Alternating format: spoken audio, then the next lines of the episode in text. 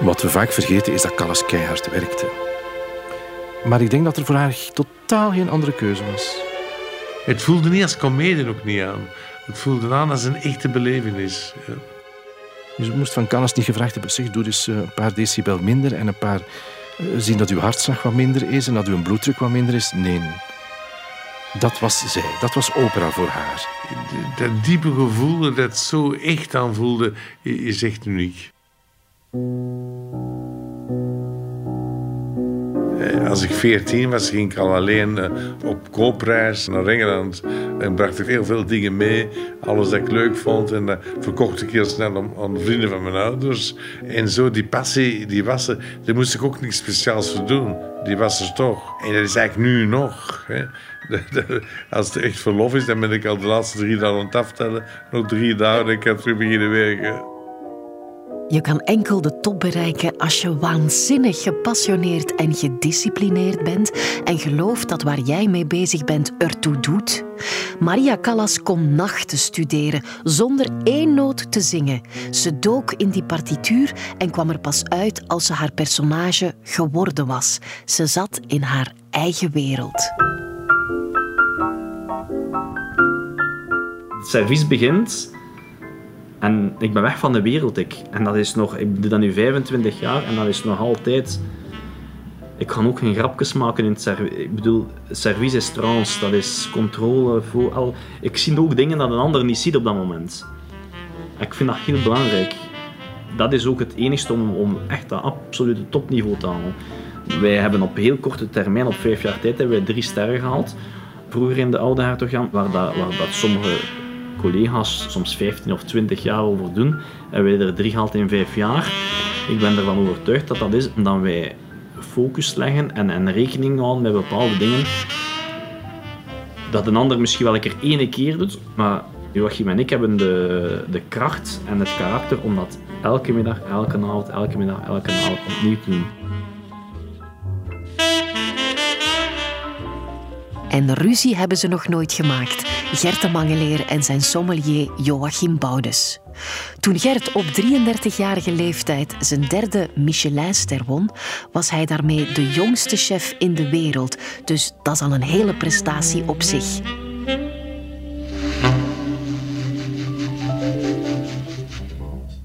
Callas werd wie ze was en was wie ze werd op een podium. En iedereen had daar wel een mening over. Maar op wie ze altijd kon rekenen was haar eerste man, Giovanni Battista Menengini. Ook toen ze na tien jaar koos voor Aristoteles Onassis of meneer Jackie Kennedy. Tita bleef altijd in de buurt.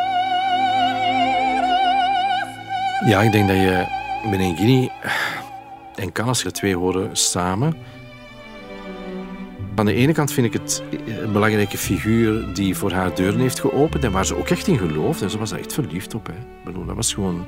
Dat was voor haar de man van haar leven. Daar ben ik van overtuigd. Ehm, dat was later ook nog. Hè. Als ze andere mannen tegenkwam, dan, als dan Menegini op een of andere cocktailparty haar pad kruiste, dan was ze toch nog altijd haar hart dat sneller begon te slaan. Ook omdat ze natuurlijk professioneel, in tegenstelling tot iemand als een Onassis, professioneel ook een parcours hadden afgelegd samen. Tegelijkertijd is er natuurlijk ook het drama dat zo iemand dan toch ook, zoals een Menegini, een karaktertrek heeft van ehm, ontrouw naar haar toe. Van het feit dat hij dan toch blijkbaar zijn hart niet helemaal had aan haar gegeven. Zij was er echt van overtuigd. Op een bepaald moment in haar leven was het voor haar wat het moest zijn, privé. Dat was met hem. En dat was voor haar tot in de eeuwigheid, bij wijze van spreken. Ik denk dat zij zelfs zou, als zij op een bepaald moment zou gezegd hebben van... Ik zou nu toch wat afbouwen, of misschien moeten we eraan denken van de scène vaarwel te zeggen. Dan had ze dat gedaan. Van hem, van iemand anders. Van hem wel. Allee, Maria Callas was, was een vrouw van vlees en bloed. Hè. Was geen, ja, we kunnen over een diva en een icoon en wat nog allemaal spreken. Maar dat was in de eerste plaats een persoon van vlees en bloed. Die, naar, die wist ook dat het de scène maar de scène was in het theater. Hè. En zij had ook wel oog, we mogen dat ook niet vergeten, ze zat ook in een society-wereld. Zij had ook oog voor waar ze mee kon uitpakken. Hè.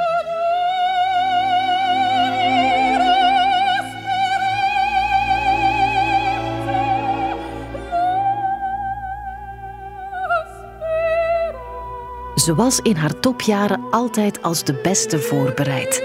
Ze verwachtte ook het pure professionalisme van haar collega's. Ze had er zelfs een idee over hoe die andere zangers zich rond haar moesten gedragen. Want ze kende alle rollen, ze kende de volledige opera. Ze maakte de mensen rond haar beter omdat die een tandje bijstaken in haar bijzijn. Met Callas in een productie staan betekende afzien. Callas wist, en dat weten eigenlijk alle goede zangers wel hoor, je bent met een rol nooit klaar. Je bent nooit klaar met een rol. De dag dat je denkt dat je klaar bent, mogen ze nooit meer zingen. En de dag dat je als zanger denkt dat je er bent, moet je vooral stoppen. Je moet altijd blijven studeren, altijd blijven verder onderzoeken. Ik ken dat als regisseur mij vaak ook. Als ik een productie opnieuw doe, is het niet om ze te repeteren, om het nog maar eens te herhalen. Want wat heb ik daaraan? En wat heeft een toeschouwer daaraan? Je moet die beleving opnieuw actualiseren en je moet er dus opnieuw eens vragen bij gaan plaatsen. De dingen eens omkeren, dus dieper gaan graven. En dat doet Callas ook met, met, met de partituur. De partituur, ik zeg dat ook altijd tegen mijn studenten. Ehm, de partituur moet je beschouwen als een, als een roman. Je moet, je moet die lezen. Je moet niet altijd zingen als je studeert. Je kan ook gewoon s'avonds, en dat zal zeker Callas ook wel gedaan hebben, want ik kan me voorstellen dat de buren anders niet gelukkig waren als die dag in dag uit eh, eh, langs de piano stond te kwelen. Uh, dat is dat je gewoon moet omgaan met die tekst. Lezen, leren, studeren, weten wat je zegt, waaruit het vertrekt, waarom precies die woorden daar staan, waarom dat die gekoppeld zijn aan die noten. En als je dat systeem begrijpt, dan komt pas eigenlijk de volgende fase. Dan kan je beginnen zingen. En dan kan je langzaamaan beginnen om je die partituur eigen te maken. Dat is het proces wat een zanger uh, moet doorgaan, moet doormaken. Wil je ook die beleving aan je toeschouwer overleveren. Anders lukt het niet. In het begin was er geen uh, voor mij mogelijkheden van haar te zien op film of, of haar te gaan luisteren. Maar ik had schriftjes. Dus ik maakte altijd van elke partituur vijf, zes kopieën. Hm? Dat vond ik nummer één. Omdat in één kopij was bijvoorbeeld wat doen ze met haar ademhaling. Waar ademt ze? Maria Callas. Maria Callas. Dus ik, ik pakte bijvoorbeeld mijn partituur en ik luisterde en ik traceerde bogen. Daar ademt ze, daar ademde ze, daar ademde ze. Dan was mijn vraag, waarom? Waarom?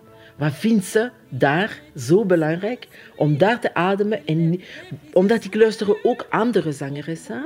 Maar die andere, voor mij, dat was nooit echt Mm, ja, nee, ik, ik was niet bezeten. Maar bij haar wel. Dus ik dacht, waarom ademt ze? En dan voor mezelf, ik dacht, oké, als je wil zingen, oké, dan ga je moeten kunnen wat zij kan.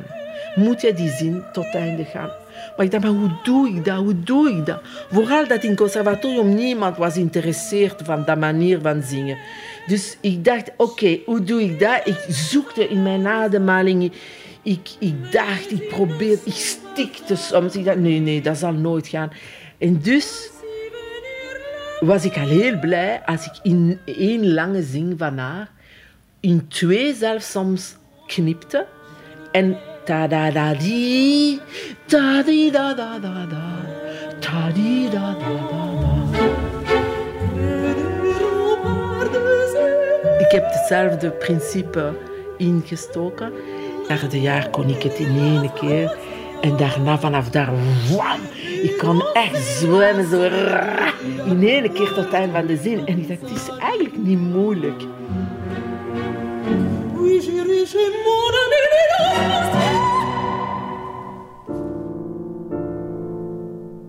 Ik ben een heel visuele kok. Ik probeer heel gestileerde borden te maken. Maar die moeten ook echt lekker zijn. En dan die moeten ook, dat zijn smaakbommen. Ik tel ook de lengte van mijn gerechten. Gelijk dat je bijvoorbeeld, een, als je een wijn proeft, tellen ze de lengte van de wijn, hoe lang dat in de mond blijft hangen. Ik doe dat ook met mijn gerechten. Dus enerzijds, het is niet moeilijk om een schoon bord te creëren, maar een mooi bord dat ook heel veel lengte en heel veel smaak heeft, ja, dat is, allee, dat is moeilijker, dat ons zo zeggen. En dat, dat is voor mij ook een bord met een enorme gelaagdheid. Ik heb altijd gelaagde gerechten in die zin van smaakcomponenten. Er zit, altijd iets krokant in, meestal ook een contrast tussen koud en warm. Uh, daar zit ook altijd een bepaalde aciditeit in, een moelleux. Allee, ik ben daar heel, heel sterk mee bezig. Ik denk dat ik ook een van de weinige koks ben uh, die daar zo ver in gaat. Uh, maar dat is gewoon heel belangrijk voor mij. Ik denk, mijn taak is ook dingen de beste plaats te geven. En ook het huis, de architectuur te respecteren, de streek waar het gemaakt is. Maar voornamelijk de mensen die moeten in wonen. Je moet een portret maken van die mensen. En kunst en meubels kiezen dat aan die mensen behoort. Dus eerst als ze er wonen, moeten ze het gevoel hebben dat ze alleen hun leven gewoond hebben. En dat ze zich onvoorstelbaar thuis voelen.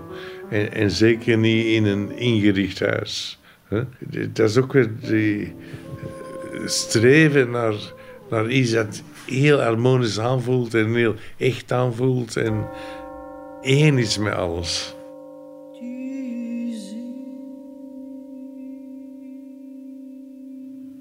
Woord is voor mij alles. De verstaanbaarheid, de energie in een woord. Waarom een woord wordt met uh, kracht gezongen of totaal met geen enkel, met maar een, heel fijn, fijn, fijn deeltje van je zin. Dus dat, dat, wat ik noem als ik lesgeef uh, met mijn studenten, ik zeg, je moet kalligrafisch zingen. Dus ik zeg er tegenover van, wat ik zou moeten zeggen. Hè? Want officieel moet je alles op een lijn. Maar voor mij was dat niet kalligrafisch. Dat wil dire, soms is dat een zware lijn dat je trekt.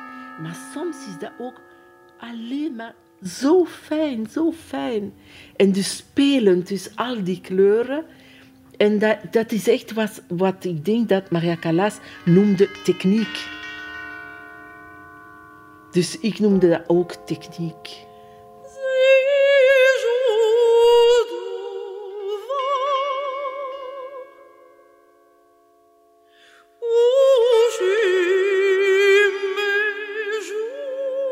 Het hielp natuurlijk niet dat haar amoureuze leven een puinhoop werd. Ze kwam hoe langer hoe meer in dat society-leven terecht. Dus ze werd ook hoe langer hoe meer een society-figuur.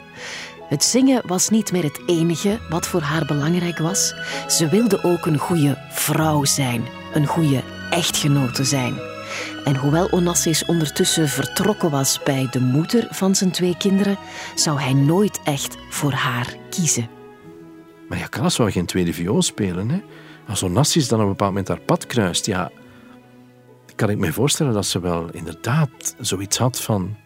Griekse god. Ja, letter, ja, echt wel, echt wel. En dan zitten we misschien terug in haar jeugd. En, en, en daar was ze altijd wel naar op zoek. Je mag ook, denk ik, niet vergeten...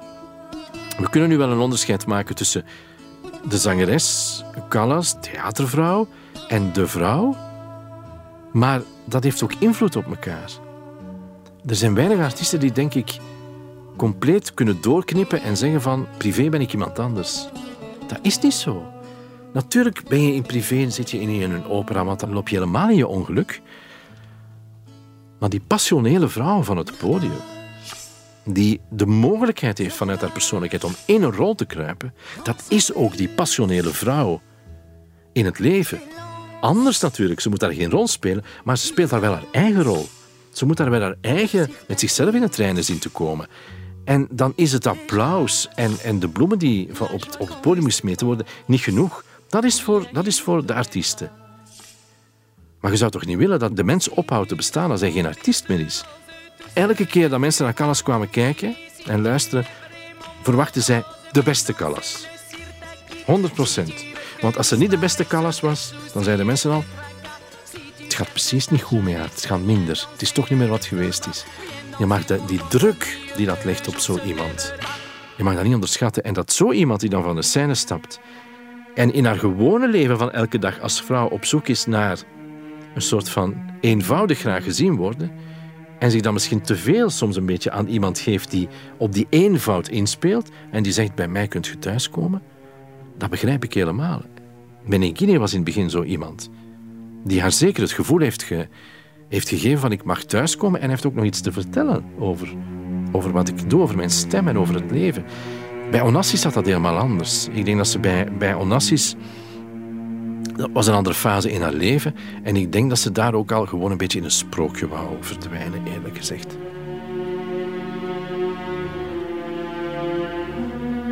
Ik versta dat heel goed. Wat ik herinner mij dat mijn amoureuze leven was zeer chaotisch. Want eerst was ik zelf niet capabel van liefde te geven, omdat mijn liefde waren mijn personage. En uh, dus als ik uh, zong, uh, oh, ik ga misschien niet zeggen dat niet mag gezegd zijn, maar ik heb ook Eva in Master Zingen gezongen met twee verschillende tenoren. En ik ben verliefd geweest op al die twee tenoren. En ik, dat, kan niet, dat mag niet. Allee, comment, je doet dat niet. Maar het, het was zo. Ik viel in echt verliefd van die tenoren, omdat ik zoveel Eva was toen. En om die heel fijne solo, triple piano, maar toch binnen een Wagneriaanse context te kunnen, moest ik zoveel uitgaan van wat ik ben. Want wat ik ben is eigenlijk iemand die uh, zeer gepassioneerd is, maar zoveel uh, geloof in mezelf heb ik niet, niet gehad. En als een man zei, ik ben verliefd op jou Mireille, ik wil echt een relatie met jou. Ik dacht altijd, oh nee, nee, maar hij, hij, is verliefd van mij op de scène. Maar hij kent mij niet, hij zal mij thuis zien hoe dat ik klein ben, hoe dat ik uh, in mijn badje huil omdat ik bang ben of hoe dat ik niet weet wat te zeggen, hoe dat ik uh, wil een kind maar wil niet trouwen omdat ik, kan me niet voorstellen met een man mijn hele leven te moeten zijn alle dagen, dat is onvoorstelbaar. Dus al die kwetsbaarheid van de kleine ik die, die weg is zo groot. Dus de ik van Mireille, veel keer was désemparé. Ik versta heel goed uh, Maria Callas, omdat ik denk dat dat bij heel veel zangers of acteurs zo is. Waar is de grens tussen wie je bent en wie ben jij?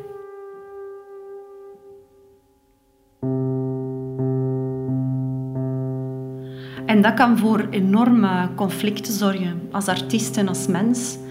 En dan, ja, dan kom je op een punt of dat je mentaal sterk genoeg bent om, om daarin verder te gaan. En dat je ook keuzes gaat maken. Maar dat is heel verwarrend, hè?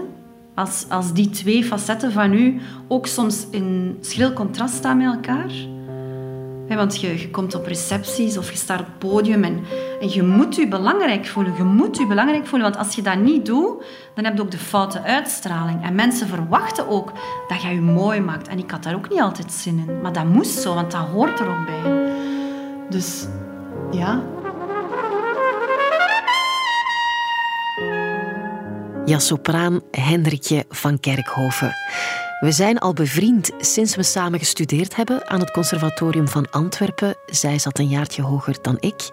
En ze was toen al de ster. Ze had materiaal. Je voelde dat ze een stem had en een beheersing ervan waar wij eigenlijk allemaal maar van konden dromen toen op dat moment. Maar je voelde ook dat ze steeds zoekend en twijfelend was, niet echt uitblonk in zelfvertrouwen, behalve dan wanneer ze op de scène stond. Maar diep van binnen zat er een zangeres met een groot vraagteken. De verwachtingen waren altijd hoog gespannen rond haar talent. Ze is dan ook aan een internationale carrière begonnen, maar de druk werd alleen maar groter. Als ik echt in die grotere huizen kon zingen, dan moest ik echt in de loge mezelf. Dan deed ik mijn deur dicht, dan stond ik in kostuum voor de spiegel en zei ik van, je kunt het. En ik ben hier omdat ik het verdien. Ik ben hier omdat ik goed genoeg ben. Ehm, en dan ging ik het podium op. En dan was ik iemand anders. En dan vergat ik het ook altijd. En het gevoel dat ik me daar ook zo in kon gooien, vond ik, dat vond ik echt fantastisch. Dat is ook de reden waarom dat ik als zangeres het liefste in de, in de opera stond. Omdat ik me eigenlijk kon distancieren van mezelf. Omdat ik meer vertrouwen in mezelf altijd had als actrice dan als zangeres. En dan kon ik dat compenseren. En dan voelde ik me wel veilig. En tijdens de recital... Recital was niet altijd, hè, maar vaak toch ook wel een beetje sterven. Omdat ik wist, ik, ik sta daar. Er is geen karakter. Ik moet het doen. Het is puur mij gewoon.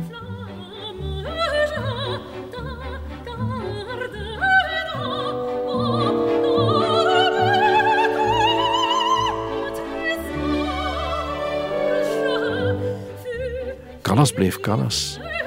Afstand nemen was niet echt iets voor haar. Zij ging niet naar een operavoorstelling naar huis en dacht van mijn job zit erop. Callas was viel samen met die rollen, met dat métier.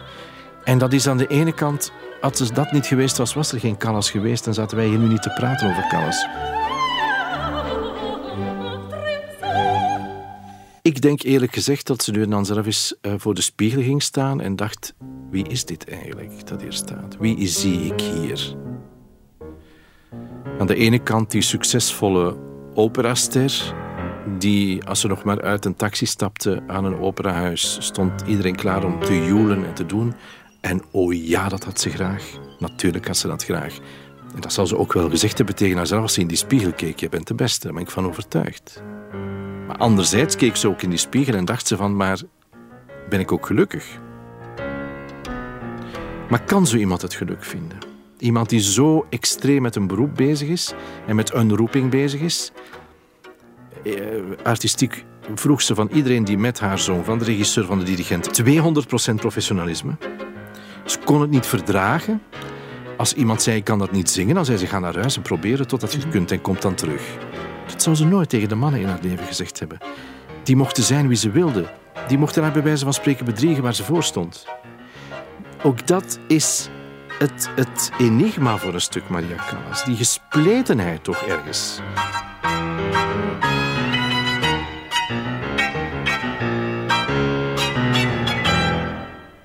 Hertog Jan is voor mij puur fragiliteit, broos, kwetsbaar. Zo.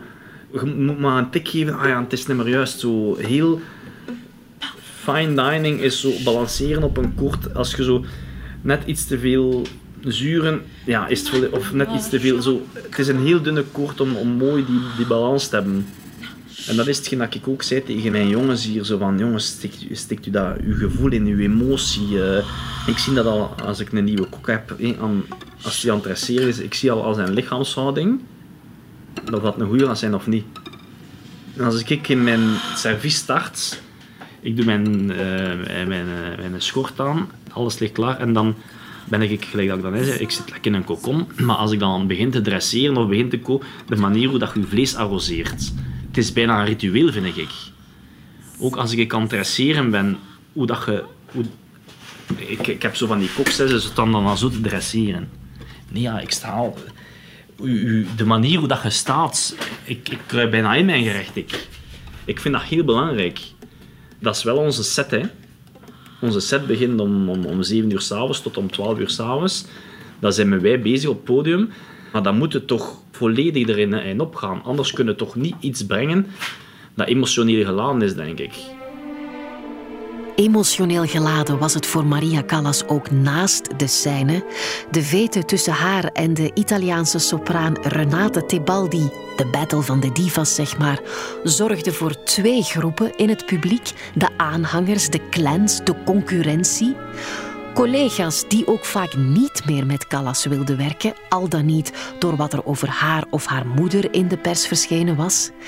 Ze heeft intendanten tegen elkaar opgezet. Het werd steeds een spelletje met de Scala van Milaan. En het conflict tussen haar en de toenmalige intendant Bing van de Met in New York was legendarisch. Het was natuurlijk ook een tijd waarin er veel meer exclusieven werden gesteld.